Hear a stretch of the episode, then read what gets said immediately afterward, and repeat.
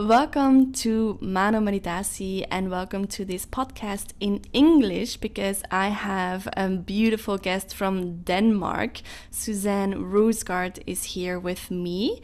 Um, so before we start the conversation, Susanne, we check in with each other and we can also set an intention together. And then from there, we see where the conversation wants to flow. So let's close the eyes once more. because this is the second try for the podcast. and for the listeners, you can also, if you're not driving or not doing anything important, you can check in with us and focus on the breathing at first. Take a couple of deep breaths so you can land in the body.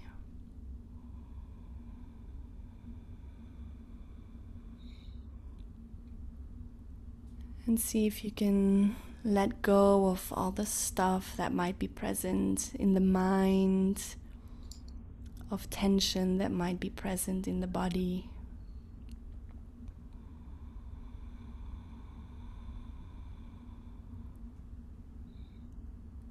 And if you feel that it would be nice to sigh, then please do so and just let everything out.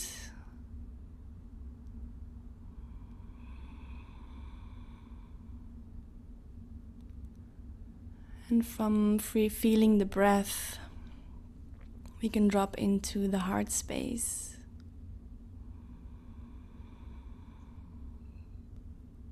We can open the wisdom that's there and we can invite the wisdom of the heart to join us in this conversation.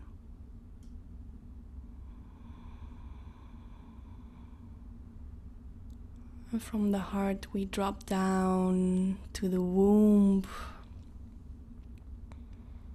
And I would like to invite this wisdom, this magic of the womb space into this conversation as well.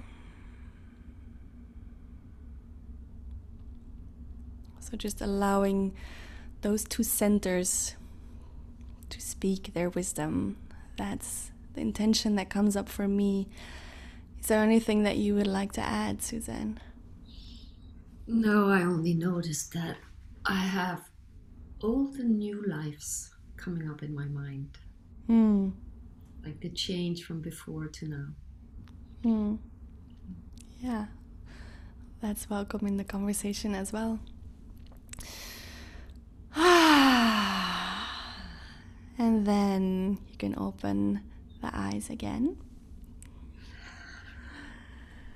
And the first question that I ask my guests is always to ask them if they can share who they are, what they do. And I know it's quite an, it can be an, an existential question, but you can just keep it simple to the things that come up now and that you wish to share about yourself now.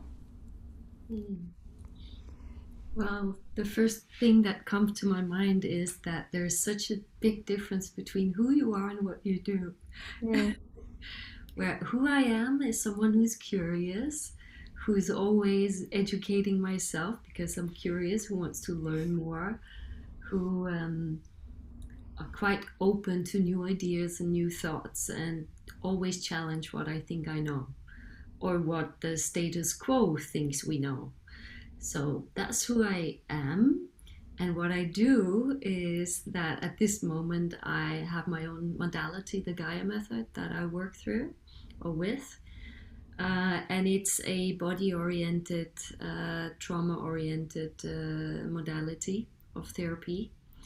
Um, but it's more than therapy because it's it's it's just as much work with people and onto people when it's physical on their body to basically help them get more in line more in touch with and more aligned with you know their their true essence instead of all the programs that come to us whether they come to us from trauma or just from you know that's sort of how it's done where i grew up that's the culture. Um, and um, I used to, for many, many years, be a midwife delivering babies. And to some degree, I still feel like I'm a midwife. Now I just deliver bigger babies within people. yes. oh, yeah. yeah, I can definitely um, confirm that because I've I've done two trainings with you and Adam, and the amount of screaming that can go on some of the days can, I can imagine it's pretty close to baby coming out of the womb but screaming his lungs out. Yeah. Yeah. Hmm. Well I hear you talk about bringing people back to their true essence. Mm. And I'm kind of like let's just dive in immediately. And what does that mean for you the true essence? Like how do you see that? What is that? How does that feel like for you? I mean i for me it's it's in many ways very linked to my own journey as well. From having been this you know the the good student the good girl the do-gooder uh, the the one that would always do good in school, get the best grades, and you know not step outside the norm, and you know, um, and and being valued from the outside by people, being like that, and on the inside always feeling this is such a big lie. This is not mm. who I am because there's so much more and it's different. So um, my own journey has taken me in many directions. Um, both uh, my body shutting down on me completely uh, because I kept I kept going on this road of that's what you're supposed to do. This is how it is, and now you already have your good job and you have your you know your husband, your kids, and your house and your car, and and you just keep going and and I felt for a long time that it's not fully aligned. There's more to life mm. than, than this, but I kept going. And luckily, like I always teach in in my work now, also is that the body is so amazingly intelligent. So because I'm a really pig-headed, stubborn person, because I really am. So even though I'm curious and open, I'm also very stubborn if I have an idea about what it would be like. And back then, definitely, I had the idea that you have to just continue life this way. That's the purpose of life. And that's sort of, you know, what everything had always uh, taught me ever since I was small. It's how the school system, you know, rewards you. It's how workplaces reward mm. you. And, you know, everybody is expecting it. And when you're doing the, the normal family, having a good job, kind of thing it, it, it's like you're getting very supported um, from people's opinions also mm. like oh, that's so good all of it and eventually my body simply just shut down because i had felt for a while that something is off but i kept going you know on the roller coaster because mm. i was on it so my body uh, shut down completely in a massive burnout that was so massive that they thought I had massive brain injury. I couldn't talk clearly, I couldn't read, I couldn't write. I was shaking like I had the worst case of Parkinson's for months. Um, and of course, I couldn't work. And um, and at that time, you know, the the system only had one answer for me, and that was, well, we can put you on. Antidepressant medicine and i was like i'm not depressed. Yeah mm. it might help your symptoms. You're burned out but you know. So i had a full burnout. Um, and i realized very early on that the the classical the normal you know healthcare system that we have did not have the answers to help me anywhere. And um, so i did start to go into therapy myself on a, every week because I had to figure out okay how do I you know get back to some sort of, of life mm. because at that time I was I was told by some doctors that uh, had put me on my sick leave that and that I was never going to function and at that time I was also in and out of the heart department even mm. with ambulances picking me up because I my body was really uh, reacting strongly. Um, and where they were telling me you should have such a quiet life, you know, just little frame around it and not too much stress and same actions every day. And, and I was like, mid 30s, and I was like, that's not the dream of my life. Mm. That's not what I want to do. And um, so I, I went into the therapy and then this therapist she realized that i didn't have a stop button once i had told myself i have to do something i would keep going even if all the evidence would show me that you need to change mm. direction but i never go back on my word so i had to learn to go back on my word and um and and through that journey it really led me into shamanism it led me into the tantric path. It led me into all sorts of therapy, all sorts of body modalities. Prior to that, I had already been doing different types of trainings and stuff like that, but just out of curiosity and because I felt that I needed some more information to to really help the the women I was working with as mm. a midwife.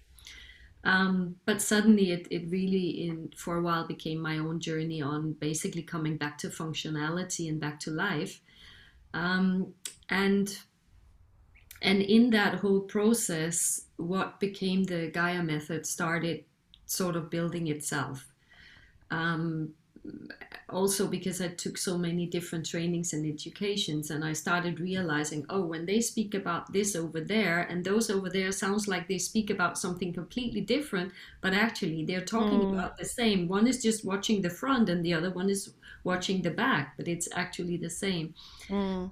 And and from there I started taking it into to to working um, with these things also with myself and I got more and more aware of these masks we run around with, these programs we run around with. But when we truly tune into our heart, mm. it's not what makes us happy. It's not what makes us joyful, and it's it's it's for me very easy to see whether or not someone are in their essence. Mm. Because if you're in your essence, it doesn't matter where or when you meet that person, they're the same. Where you mm-hmm. can experience to have a work colleague. You know them like that, and then suddenly you meet them as a private person and you're like, whoa, you're different. That person is not in their essence because they're they're they're not showing who they really are. They're showing a mask that they are presenting in this area and you can be in your essence and be who you are. And of course sometimes you work with this and you work with that but you will still be the same. You won't be you know fundamentally different. And many mm. people i work with truly have these many personas where oh when i'm with my friends i'm like this. When i'm with my family i'm like that. When i'm at work i'm like this. Mm. and if those three groups were to talk about that person and describe them they wouldn't describe the person the same way. Hmm. In personality type or in qualities, maybe a few things, but in, in general, they would be very different. So for me, that that's a lot also on on being in your essence. I, t- I typically say for me, being in my essence also and, and having clients that are in their essence, that is when what is truly alive on the inside is also what they dare bring into the world and what they dare mm. um, show on the outside so that they're not hiding their opinions, whether they're popular or not. They dare stand up for what they think is right or wrong, even if others don't agree. But if it's their truth, they're they're honoring their truth. Hmm. Yeah. Hmm. That's beautiful. Do you feel like um, if people are living from their essence or are connected with their essence, that they are more similar?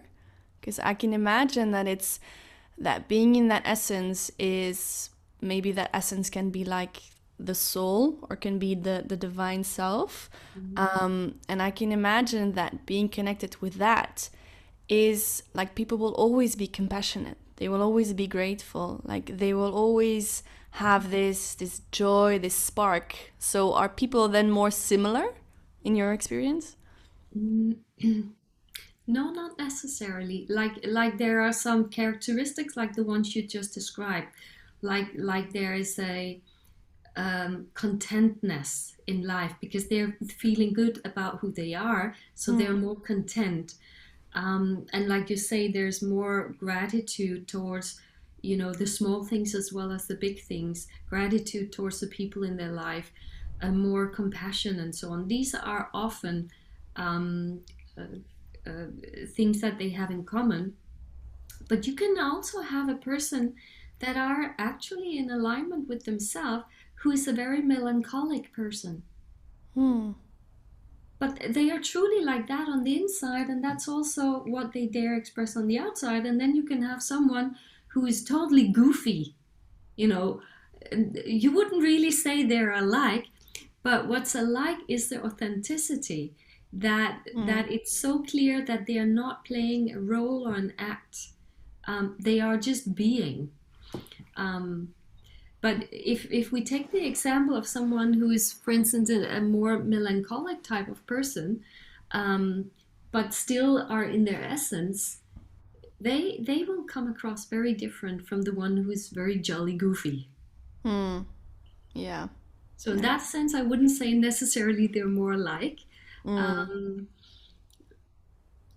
one of the things I notice when when especially if I look at, at all the people I've been working with for years, um, and if I look at the ones that specifically came to me knowing that you know i'm i'm very much you know an expression of my programs and and i don't dare express who i really am or i simply don't know who i really am and i want to go on that journey um, and if i look at the difference from the the beginning when i work with them to later on um, there, there are some some things that shine through that are, are, are typical one of them is that if people come with a lot of programs, a lot of, um, I have no idea who, who I am, they typically talk and speak from the head. Mm. Which also means that they speak much faster. They're very fast at answering everything. Um, and they tend to use many words where many of them don't say anything at all. They're just mm. words then when they gradually come more and more home in themselves you really sense that that they move to the heart when they start speaking meaning that suddenly it's more like it's not so much just thinking about things and then coming up with an answer. Mm. they are still doing that but then it drops in and they also feel and then the answer comes. So so they typically start speaking slower. Mm. They typically will start having longer pauses before an answer unless you ask them about something they're really passionate about. then the answer will come very fast and because because they're not in doubt at all when it's stuff they're passionate about. They have no doubt. They know what they think. They know where they stand on it. So there they don't need, you know, time to think and consider. But if you ask them something that they haven't made up their mind about, then you would experience that once they sink more into this the, their essence there, there is sort of a slowness that comes to the system mm. um, and energetically if you can feel energy you'll also feel the difference that the energy is coming from lower and most of them also lower the uh, volume of the voice uh, not the volume the freak uh, tone uh, the tone of the voice yeah. it gets lower I mean, if you had met me when I was in my 20s, I'm in my 50s now, I would speak this. I had my voice up here. It was up here all the time. It was so annoying. so over the years, it's, it's come quite, quite far down. yeah, it dropped down. Yeah, I can. I I noticed that as well when I am when I'm guiding groups or when I am recording my meditations, my voice goes like the tone of my voice goes down as well, and it's like deeper. it goes like that, and then depending on um, which guest I am talking to on the podcast. Like I will be very like giggly and da da da da da, or I will be like like more yeah, yeah, more dropped dropped down. So it's yeah, so it's definitely interesting to uh, to notice that. Yeah, but this that's also this thing of of how easily get do you get pulled in by other people's energy? Mm. Mm. Because that's also the the more I notice people being in the essence, or the more I'm in my essence, or the more Adam is in his essence, there's a lesser chance or risk, however you want to look at it, that when when we're with other people that have a very different way of of being, like you say, da, da, da, da, da, hmm that they can still be like that. But if you're not naturally like that, you don't get drawn into it. Mm. Whereas as I would get drawn more into stuff like that also earlier, I still get much more drawn into it than Adam, my partner. Mm. He's, he's much more like nothing yes, I know. Mm, yeah. Hmm, That's interesting because it's actually it is a question that I've asked myself many times because I don't know if you know something about the um the Maya astrology. Not much. I Not much? Ah, okay. Yeah, then it might not be as interesting to I, I know what I am. it. I know what Adam is, and my father-in-law likes to talk about it. Oh, really? Well, what's what's your um yeah, it's called a sign, I guess, or your Yeah, I'm a I'm okay. a dog. Oh, you're a dog. a dog. Yeah, well, I am a white magnetic mirror. Yeah, so And- the same as as Adam. He's Really? Yes, Oh, he's a mirror as well. yes. Oh, that's interesting. Well, I guess that already answers my question because yeah, because I I thought or the way that I interpreted this this yeah this white mirror um sign was that I can very easily like mirror other people and kind of like take on their energy and it doesn't necessarily feel like I'm not being true to myself. It's more like they mirror something in me and and I notice that part in me. I know that part and I kind of like allow it to be more present when I'm with that person because then we can kind of resonate better. And I've always asked myself like is that truly who I am or is that um like does that mean that I lose myself in the other person or that I'm mirroring too much the other person? I mean, Um, the the way we've been explained the the mirror is that it, might have the aspect you talk about also that I don't know, um, but the way we've been uh, told is that what the mirror does is also that it mirrors people back to themselves. Mm, which also means that and and that's definitely a quality that adam has as a mirror that people get really uncomfortable sometimes around him because he actually mirrors back to them that they feel awkward or mm, that they feel insecure.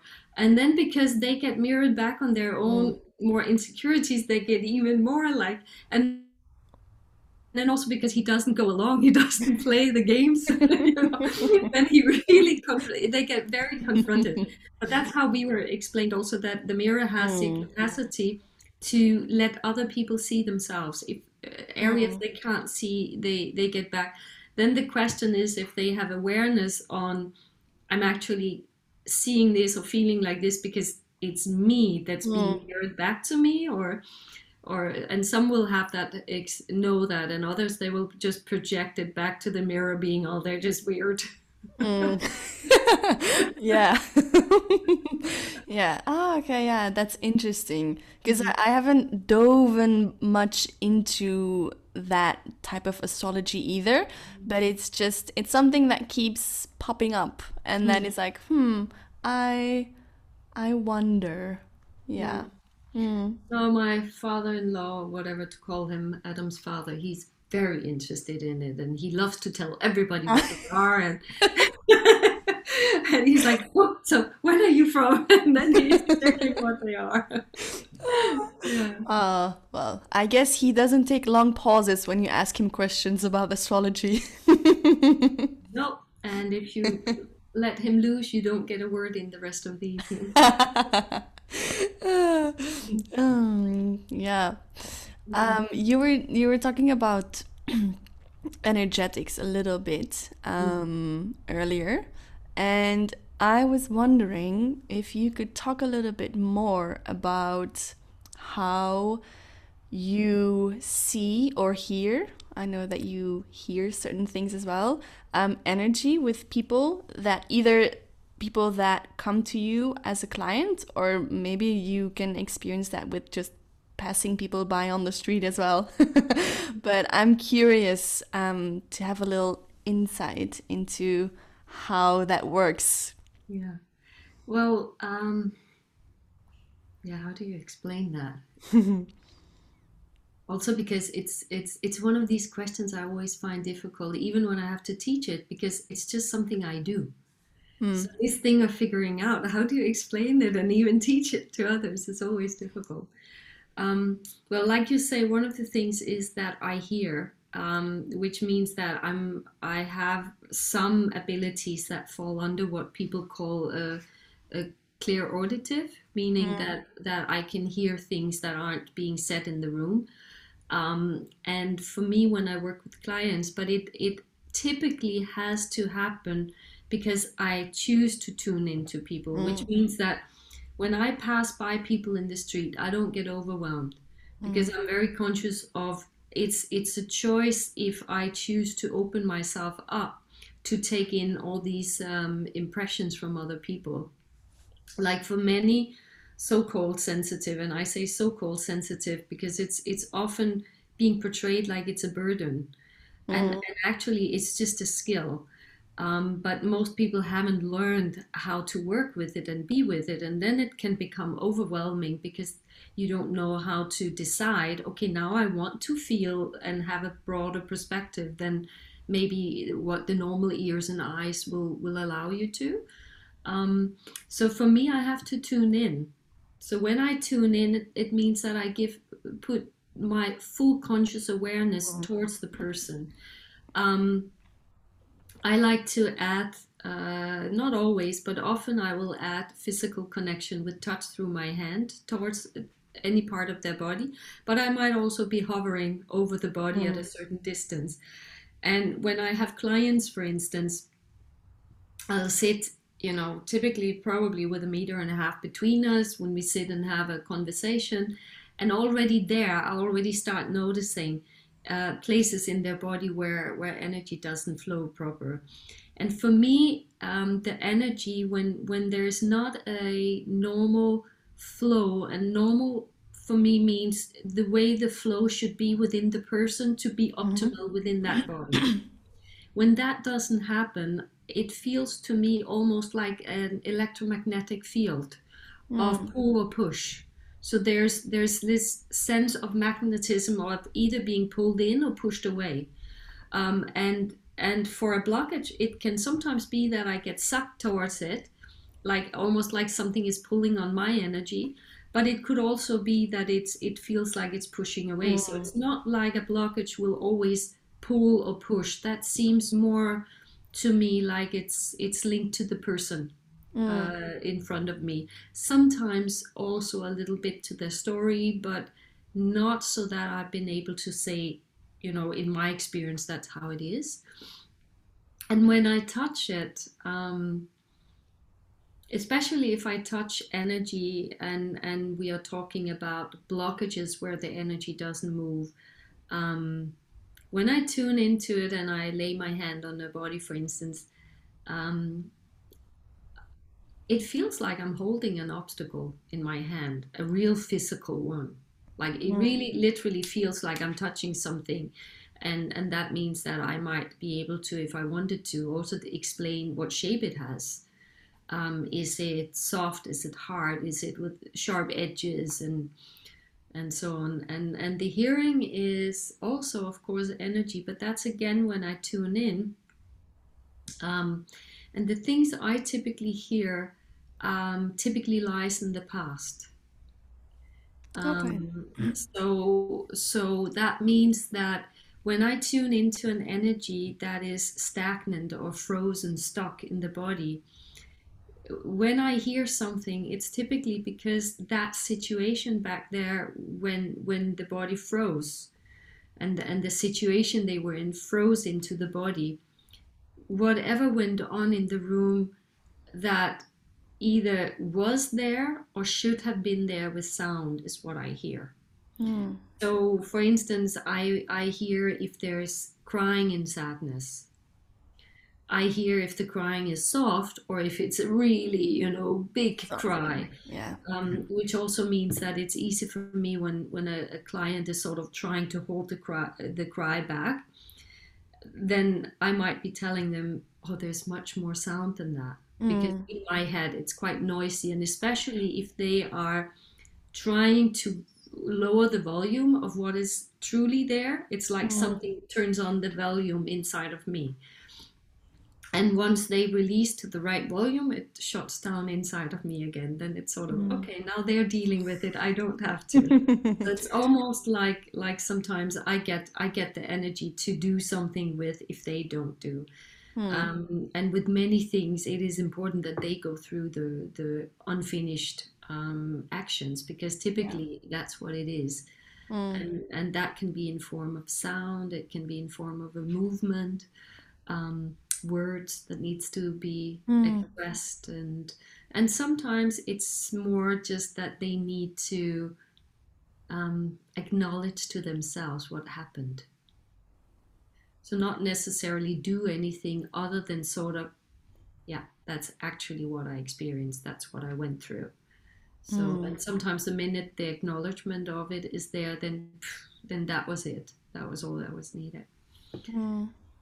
So it's it's the energy and and when I look at people, um, not with everybody. With some people, I I see very light aura colors, but I'm not very good at seeing aura. I'm good at seeing the uh, field around people. But for me, the mm. field is more a question of how much light is is streaming around the body.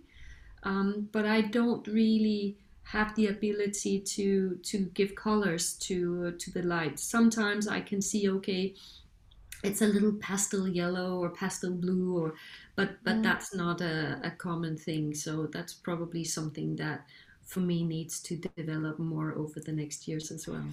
Because if, if i go some years back i, I didn't see uh, the energy field as a, as a light stream for instance. So that's changed in the last four or five years i think. Hmm. yeah. Okay. Have you had um, like um super supernatural i would say or like um experiences where you were little where this clear aud auditive uh, how did you say it? Clear audience? Yeah. clairaudience? audience. Yeah you can yeah. um where that was already present like that it, it was something that you've experienced when you were smaller or is it only something that you developed um, um recent years the the clairaudience is is as an adult that I'm aware of it. Um, as a as a kid, um, I had I don't recall what it's called. It's clear something, but it's it's the knowing. I just knew things. I knew what was mm. going to happen, um, and not so many times where it's really specific. But like I, long time ago, I had an experience in school where where at that time I was being bullied because I was a weird kid. And um, and one of the boys was standing in a place where where a lamp was gonna fall. So I told him you have to move, and he was like, "Don't tell me what to do." So you know I ended up pushing him aside, and then the lamp fell where he mm. had just uh, stood. So they got some of them got a little like, "Whoa, she's weird." Mm. Um, as a teenager or 19, 20 maybe, I remember going to also. Um, I was in a ski holiday in north of uh, Sweden, and we had to drive back home. We were in a couple of cars, and then the minute I touched the handle on the car, I literally flo- froze and I was like, we're gonna have an accident on the way home. And the others were joking and, ah, you're so stupid. And I just knew it. And I was sitting completely stiff in the car because I just knew we were gonna have oh, an accident no. on the way home. And the others were joking and joking for hours. And we had this like eh, 12, 14 hours drive home. And then I think about four or five hours into to the drive, then our driver he loses um, you know the the control over the car and we get off track and he finally stops the car. And where he stops the car and when the nose of the car stops because this is in the mountains in Sweden was on the edge where there was hundreds of meters free fall. And the fun part here actually was the minute he stood still and and it was done my whole body went ah, that was it. And the others went, oh, it was, oh, oh. and they went into total panic. And I was just, ah, oh, no, it's all good. Nothing more is gonna happen. So, and you know, and then then it's it's most of the time it's minor things, you know, like other people also experience this thing that you you know the phone is gonna call, you know who's going mm-hmm. to call, you know that uh, someone is, is coming in the door and one minute after they come. And so so things like that knowing who's going mm. to call or who will be coming or things that happen sometimes to some people. Um, but in general when i was late teenager i literally did everything i could to close it down. And i became in my 20s and uh, early 30s I became very denying of anything spiritual. You know, if you mm. couldn't measure it, if it didn't exist in the lab, very medical in my approach to everything. it wasn't there. And then in my burnout, uh, all these, uh, let's call it abilities, ever since I was kid, also feeling and tuning in, mm. because I could always feel how everybody was doing. Uh, also, as a kid, like uh, very sensitive to and empathic to how other people were feeling, no matter how well they try to hide it. Um, so that all basically, you know, like a troll out of a box when I had my my burnout because these parts of me it, it, i couldn't keep suppressing them mm. because basically that was what i had been doing suppressing them because i was considered too weird you know and and mm. have had many years in school with bullying so it was just easier to be like the others Mm. Yeah. Yeah. Yeah. Thank you for sharing that. hmm. Yeah. In in my own process at the moment, um, I am feeling quite a lot of. Um, resistance and fear against opening up more of my gifts opening up more of my my feminine energy my like the kundalini the sexual energy as well. There's a lot of fear of letting that actually open up through through me inside my body. Um and I noticed that a part of it has to do with my personal life now, like the path that I that I've walked as uh, as Manon Celine. But a part of it, I feel, just goes back through generations of women being suppressed, and like this is called the witch wound. I'm sure that that you you know this wound. So I wonder if that is a topic that came up for you as well while you were developing and opening up your gifts um, and how you dealt with that or how you you could heal that or? I i didn't deal with it with so much resistance per se because i think to that degree my full burnout really helped me. Mm. it was sort of a nothing is is the way it was works. Mm. clean slate.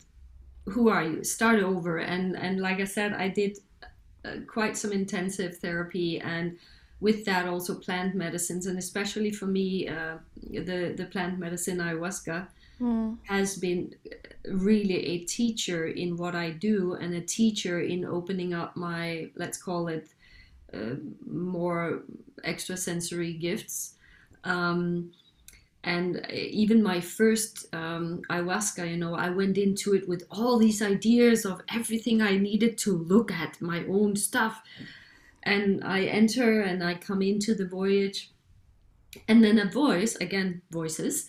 So a, a voice, very clear woman's voice, old woman's voice, say to me, "So we're not going to deal with that with your stuff. That's not important." okay. Amazing. and then she was like, "No, we need to talk about how you work." Okay. and then you know i was like at that point i was part-time midwife and i also had my own sexology uh, clinic. At that time i was mainly focusing on on being a sexologist. Um, we're also doing some therapeutical things but i was mainly at that time doing sexology couples counseling a little bit of trauma work as well. But as a cognitive speech blah mm. blah blah kind of of therapy uh, no hands on no touching no anything and then in this uh, first uh, ayahuasca, she was like, "Yeah, you're totally not using your gifts right. Why do you think you got them?" okay, and then she was like, "Okay, I are you willing to learn?" And I'm always willing to learn. So, so she said, "Because I'm going to teach you now. Are you willing?" So I said yes, and then woof, I was taken in. And um, the first ten voyages I did never ever dealt about my personal stuff Mm. It was always about my work. It was always about various ways I was doing things. It was about making my perception system even bigger. Because eh, before my first ayahuasca, I could feel how people were doing if I put my hand on them. Mm. But I didn't feel them so clearly if I didn't have a hand on them. Uh, and uh, so one of the things she's told me in one of the voyages was you need to learn to feel with your entire body, not just your hands. Are you willing? And again, I said yes. And then, and then I learned to feel with my entire body. And unfortunately, it also meant I didn't know how to shut it off outside of mm. work. So I was literally feeling any everything and everybody for almost two years, if not two and a half, before I learned how to shut it off. And in those two years, it could be quite overwhelming because if I entered a big group room with a lot of people in, and someone would feel sick, I would feel sick. If someone was sad, I would, you know, I was bombarded. So that was also part of the ayahuasca. It was like, okay, we need to train you so that you you tune in, you tune out on your choice, and and you need to clear the energy. And so a lot of, of basically the training I've been given is truly through medicine plants. So also when people tell me, oh, medicine plants are just psychedelics, I'm like, yeah, not for me. It was definitely more because it was really not about dealing with my own personal stuff until mm. much, much later. In the beginning, it was truly about how I work, and a big part of, of the Gaia method, the way it is today, is that way because of mm. what I learned during ayahuasca. Because I had to to actually reverse a lot of things I was doing because I was doing it because that's how you've always done and ancient mm. traditions and this is the right order. And where she was like, nope, doesn't work. And I was like, yeah, but that's the right thing because I read about it and, you know, I've been taught by others. And every time I finally would cave in, remember, I'm stubborn. Mm-hmm. So when I would finally cave in and be like, okay, let's try and reverse it and do it in the order of things that she wants me to do. And every time I did it, it just worked better. I was like, oh, mm. okay, darn. Damn you, ayahuasca. yeah. So, uh, so yeah, it's it's it's it's quite interesting also um, how how these things come because uh, when when it comes to this of opening up your qualities and your gifts, it, it's it's often the things you didn't expect mm. that gets you to do it mm. like it, it's it's it's rarely a common road you know you go a little left and right and and sure i've i've had after i started opening up i mean i still have all the old voices they're still in there every single one of them. And sometimes they're a little louder than than uh, in most days by now. But that also means that that inner critic you know that are like oh, i don't think you're special and you can't do that or that's not what's done and you know you're a mother with children. What do you think people will think? You know all these voices would mm. still come up sometimes. Because i've been working a lot with sexuality and and sexual energy, using it in many different ways in my work. Um, and I've had many also in periods, like you say, where I was like mm, questioning because I did have these voices in the back of my head. And also because if I would share with anyone, I wouldn't find anyone saying, Yeah, I know that too. Mm. How is that for you? Mm. It, you're asking if if there are people that I can share with what I experience. Yeah, when you say this, also opening up your Kundalini and your gift, or do you also experience that if you share it, there's there's it doesn't land anywhere because the ones you share it with, they have no clue what you're talking about. Mm. Well, I feel like I'm surrounded by a lot of gifted people. Um, and so I think if I would experience more of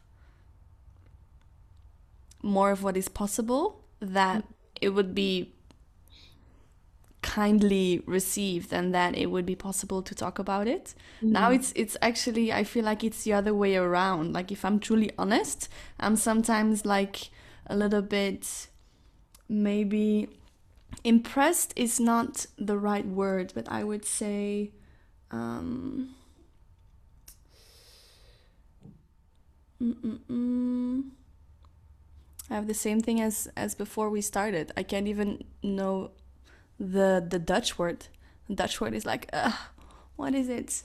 So you're not um, impressed? Are you in awe?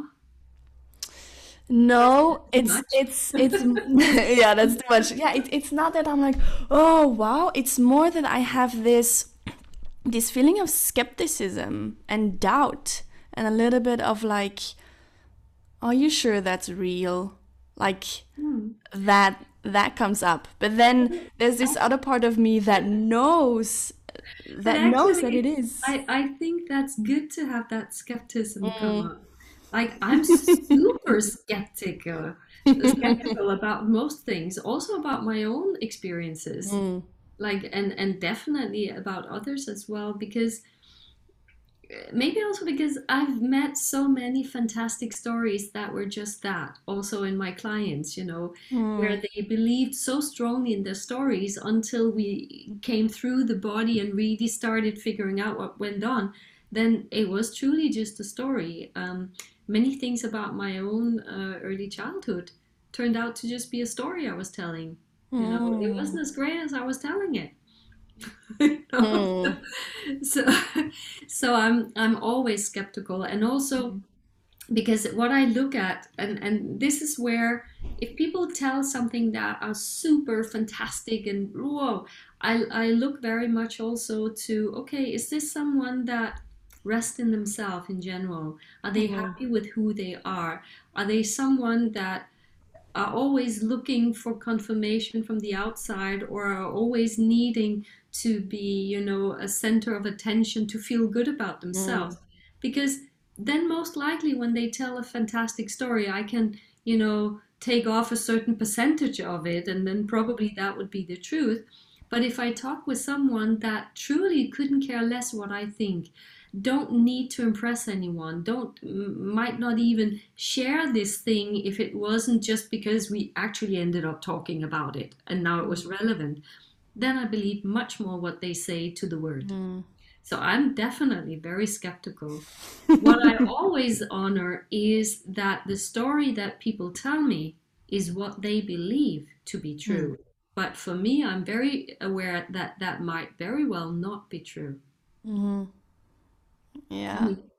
I mean, if if I if I just look at the ones I work with that have sexual trauma, you know, there's no doubt that the ones that are experienced that they have sexual trauma, that that is their experience. Mm. And something felt violating. But if we then talk about sexual trauma and, and abuse to the extent of the law, there might not have been any. Mm but it didn't change that that was how it felt for them so that was mm-hmm. their honest true experience and i never questioned that but i i also know that that might not be if i had been a witness the mm. story i would have told mm-hmm. yeah yeah yeah and then you can get into just the endless perceptions that people have depending on which glasses they're wearing and which experiences they've had throughout their their life and previous lives. Yeah. I mean i i worked a lot with couples counseling. So mm. that's, that's a centerpiece for uh, I would have so many couples sitting and one was saying and i did and you did and and mm. the other mm. was no that's not how it is and i would sit and listen to both of them go and yap about it and i would be like oh they're both right mm. from their perspective and i would sometimes tell them are you aware that you're both right that's not possible because I see it like this, and the other one, yeah, but I see this. That's impossible that that what the other one can say is also true. So I typically would get people up and standing facing each other, but with a, a, a space in between. And then I would put myself in between, facing mm. one of them, and I would ask the one behind me, "Please describe me. What you see." Mm. So they would start describing my back, and then I would ask the other one, "Please describe me. Only what you see." They would describe my front, and I said, "How is that possible?" Your description was so different. Are you sure you described this? it would often help the ones that really couldn't understand that you know you, can still be talking mm. about the same thing you just don't see eye to eye on it mm. yes yeah. yeah i can relate i mean anyone in a relationship can relate i think mm. yeah exactly that's that's part of the teaching journey. I also think it's part of what helps us become more um, accepting mm.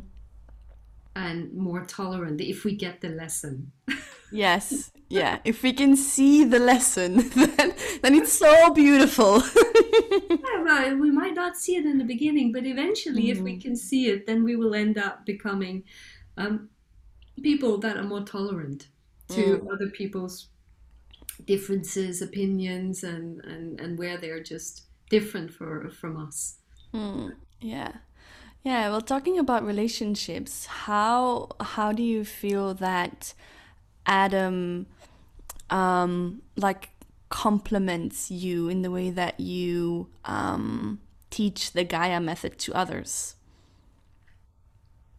So a lot of what Adam does in the Gaia method in the retreats is invisible to many mm. of the hmm. participants, I think. Um, well, first of all, he's not a body worker, he's not a therapist, and he has absolutely no interest in, in becoming so. And that's great because I'm all of that. So mm. there's no reason for us to be the same. Um, and I he complements me really well with with being a body geek in terms of movement and feeling your own body from the inside, feeling your own energy and on subtle levels, and also his his devotion to to breath work and to mm. proper breathing and so on. Because for me, the breath is very important in my work as well. I just haven't dived into it the ways he does to really teach it that way. So there he can teach at a level I would never be able to teach it.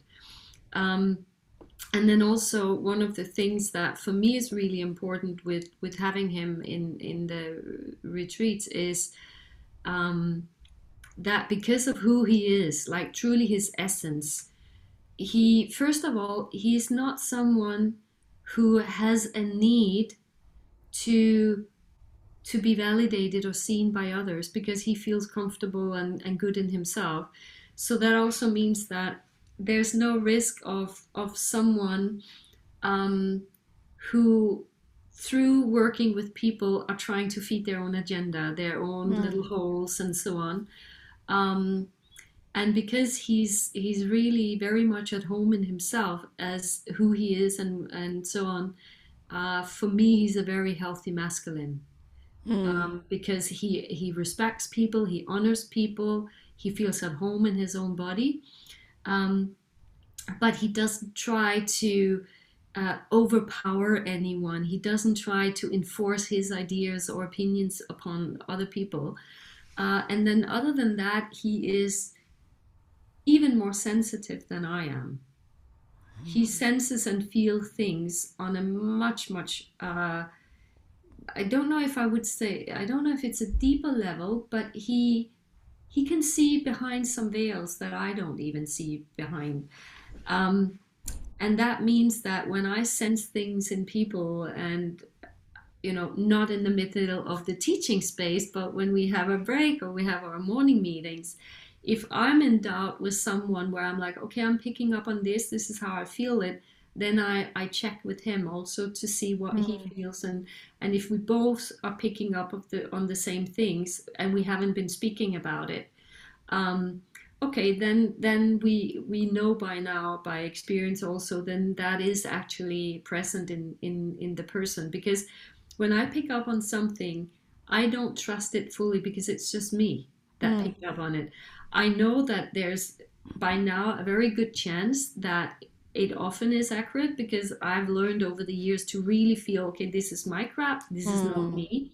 But even there, I also have my blind spots. So I, I even though I have a feeling often like okay it's probably like that but within myself I always think it's probably like that I don't say mm. it hmm. like that and then I would run things by with with Adam, for instance, yeah. if if I'm in doubt, is is this really what I'm tuning in on? And typically, I wouldn't ask him by sharing what I feel first.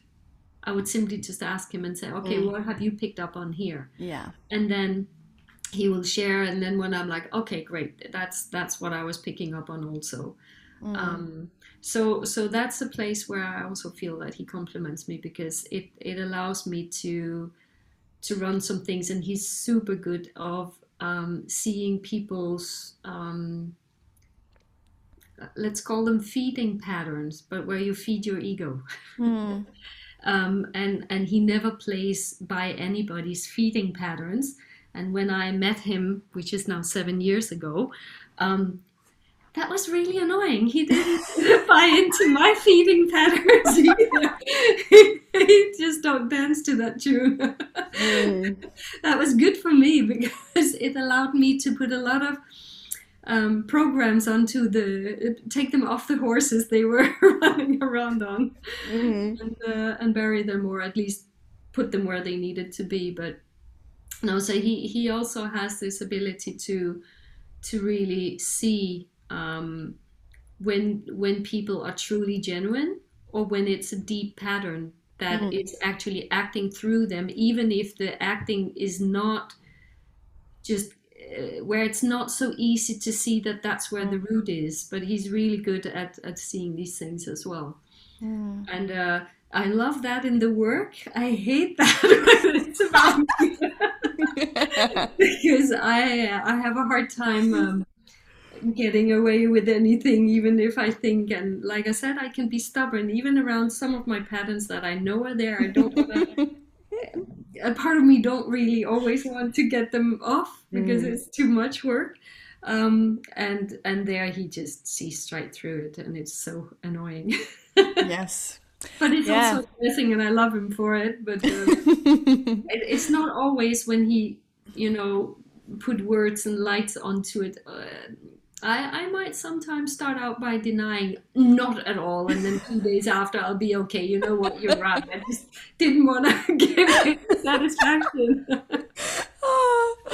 oh, amazing! I I hear a lot of similarities with um with my boyfriend. Like he's also he's like a a rock that's just mm-hmm. like so stable, so present, and he also just takes none of my bullshits. And like whenever i say something that's just a little just like a, a tad off he's just like what do you really mean? And i'm like just leave me alone. I'm like just let me yeah. So yeah. annoying but so beautiful. I've, I've experienced in the last uh, few years that sometimes especially people that that have known me for many years um, and and known me in my 27 years of being in a family, husband, children, the whole shebang. Um, and then you know I left that and and I came together with Adam afterwards and he's so much younger than me so i've had so many people ah you just want a, a young one that you can control I'm like, man, I've never had so much work to do since I met him. there's there's no easy corners here. but it's it's funny also because when when it comes to uh, the age difference that we have between us, people have so many opinions about how that is. Mm. That's also something I've been surprised with where people often have a feeling like, oh, but then if you're the older one, you just want someone you can boss around. And I'm like, no, I don't. And I can't if I wanted to. mm. so, um, yeah. But, um, yeah, interesting topic. Yeah. I have I have one more um, question before we we close off, and because it's something that um, I ponder on, and the the feminine and masculine energy is something that I find super super interesting.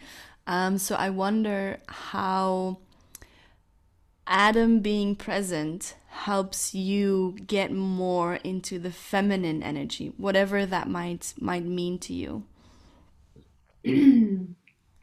well, I, I almost think that my answer might open new doors. Um, because in the last two, maybe three years, um, we're actually moving towards something new that is getting further and further away from this concept, tantric concept of masculine, feminine. Mm. Um, so it's it's like it's not so important anymore. It's more a question of um, meeting energetically at a really deep soul level and once we get down on that soul level it it's it's not so stereotype as as mm. um, masculine and feminine um, so so i don't really feel it and yeah i'm i'm not even sure how to answer it because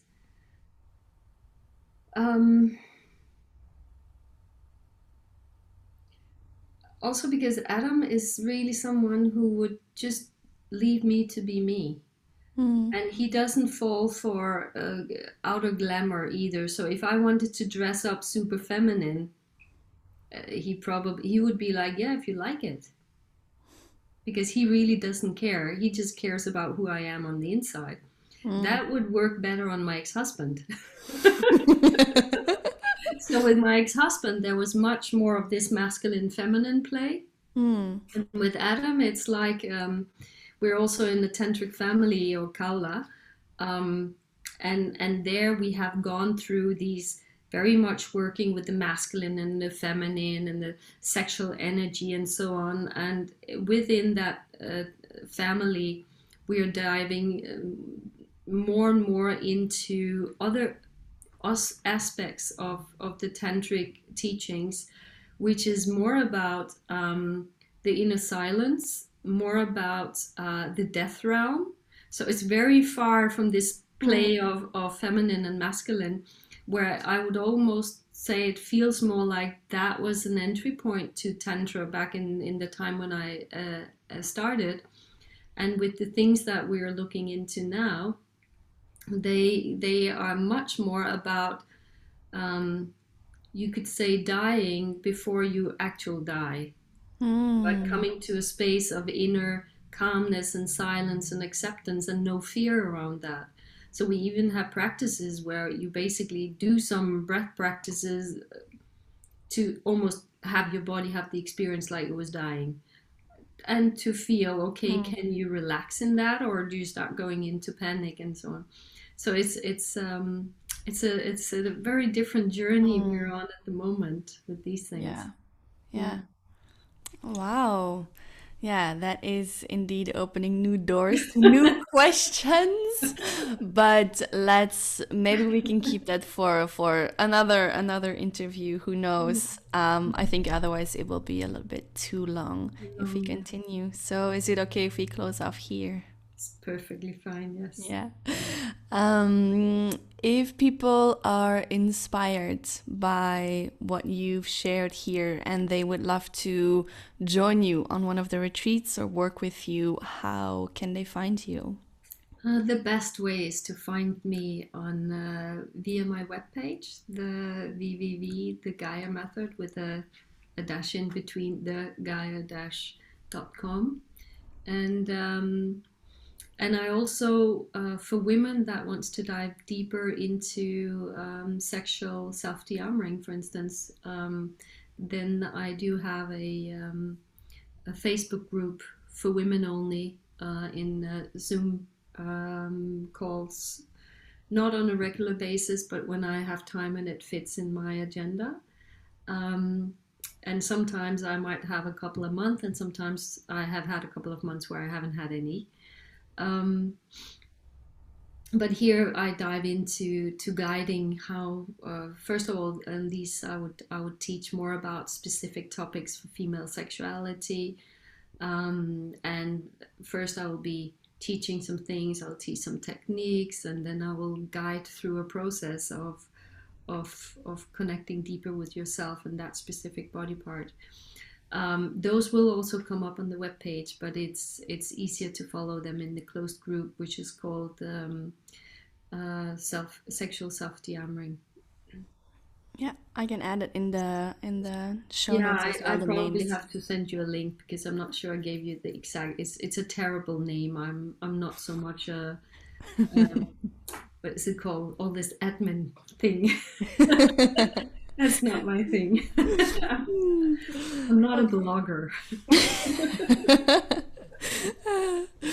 okay, well, perfect. Um, well, then I want to I want to thank you for making the time to have this this conversation um, with me. I enjoyed it a lot, um, and also, yeah, I just want to share that it's that the work that you and Adam are doing is just really, really incredible. Like I've said it, I think on the podcast with Adam as well, that it's just it inspires me so much, and it is such an um, a magical magical field that you create in the trainings and in the retreats. It's yeah, I don't know how you you both do it, but it's it's um yeah, truly divine work. Yeah think it's because for both of us, we like to bring the esoteric work, a world into the down to earth mm. physical action activity things we know because often it feels like these two things are separate from each other but i mean everything is connected it's just a question of connecting it in a way where it feels natural mm-hmm. Mm-hmm. yeah and Beautiful. Beautiful. it was a pleasure speaking with you as well. I was yeah. happy to be here to share my goofiness. Yeah, and for the um, for the listeners, the people who are listening to the podcast, if you enjoyed this or if this inspired you, don't hesitate to come in contact with me or with Susanne, uh, just to let us know what you think about the podcast. And yeah, I wish you a very beautiful evening, a beautiful week, and an amazing and magical rest of the month. And I hope to see you, to hear you, to feel you soon.